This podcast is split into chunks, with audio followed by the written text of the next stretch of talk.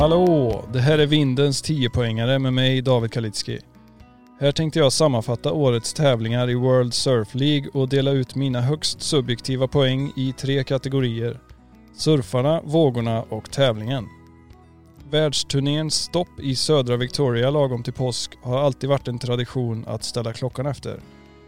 Och efter två års tråkig frånvaro var kampen om klockan äntligen tillbaka på turnéschemat.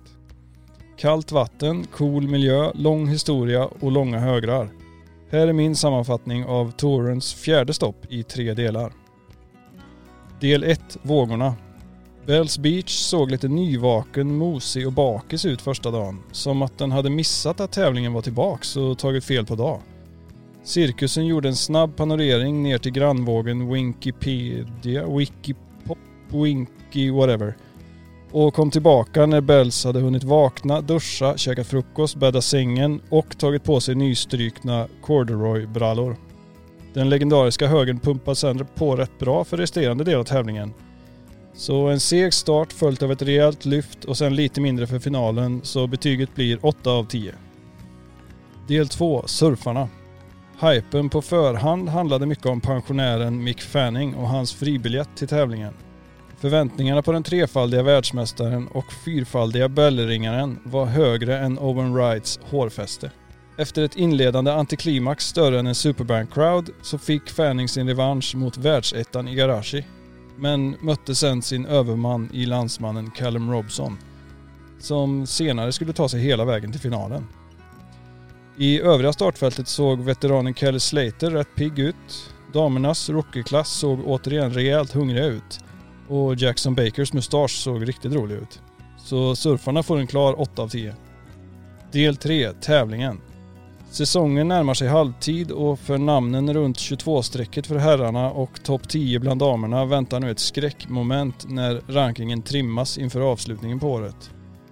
Det märktes även i de tidiga heaten att lite mer står på spel. Närmare bestämt biljetterna till G-Land, J-Bay och Tahiti. I herrarnas tävling stod Jackson Baker för en inledande miniskräll och chockade självaste Johnny Johnny med sin chockrosa bräda. Florence skulle dock vakna till liv rejält senare i veckan med tävlingens högsta heatpoäng. Tyvärr glömde han att väcka sina armar som hängde lika förlamade som vanligt. Kolohe Andino surfade ledigt och skickade Jadson Andre allt närmare ledighet. Italo Ferreira verkar ha tagit steg ner från rymdmänniska till vanlig människa och fick se sig besegrad av Jack Robinson i sista sekund. Och nu när Italo ser mänsklig ut igen så har en annan brasilianare tagit hans plats på rymdskeppet. Fast forward Philippe Toledo la i överljudsväxeln och warp-speedade förbi Fanning, O'Leary, Wright, John Johnny och Ewing innan någon hann se hans röda och eller turkosa våtdräkt. Plötsligt stod han där och ringde i klockan och såg väldigt mycket ut som en kandidat till slutsegern nu när Italo har ett mellanår. På damsidan rivstartade rookien Brian och skickade veteranen Peterson till förlorarrundan, som ju egentligen borde vara den första rundan. I loserrundan hamnade också en annan veteran, Sally Fitzgibbons, som verkade få extra energi på den jobbiga omvägen och kämpa sig snabbt vidare. Alyssa Spencer, som tävlade med Baker om mest rosa bräda, gav regerande mästaren Carissa Moore en rejäl match i tredje rundan. Men Moore var snäppet hetare och tog sig sedan vidare ända till finalen via segrar mot gamla legendaren Gilmore och gula ledaren Hennessy. Hela vägen till finalen hade också tävlingens tredje Wright-syskon hittat.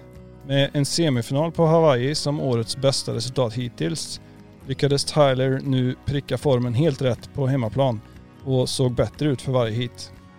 Dubbla åttor i finalen gav en överlägsen seger och Tyler sitter nu stabilt på topp 5.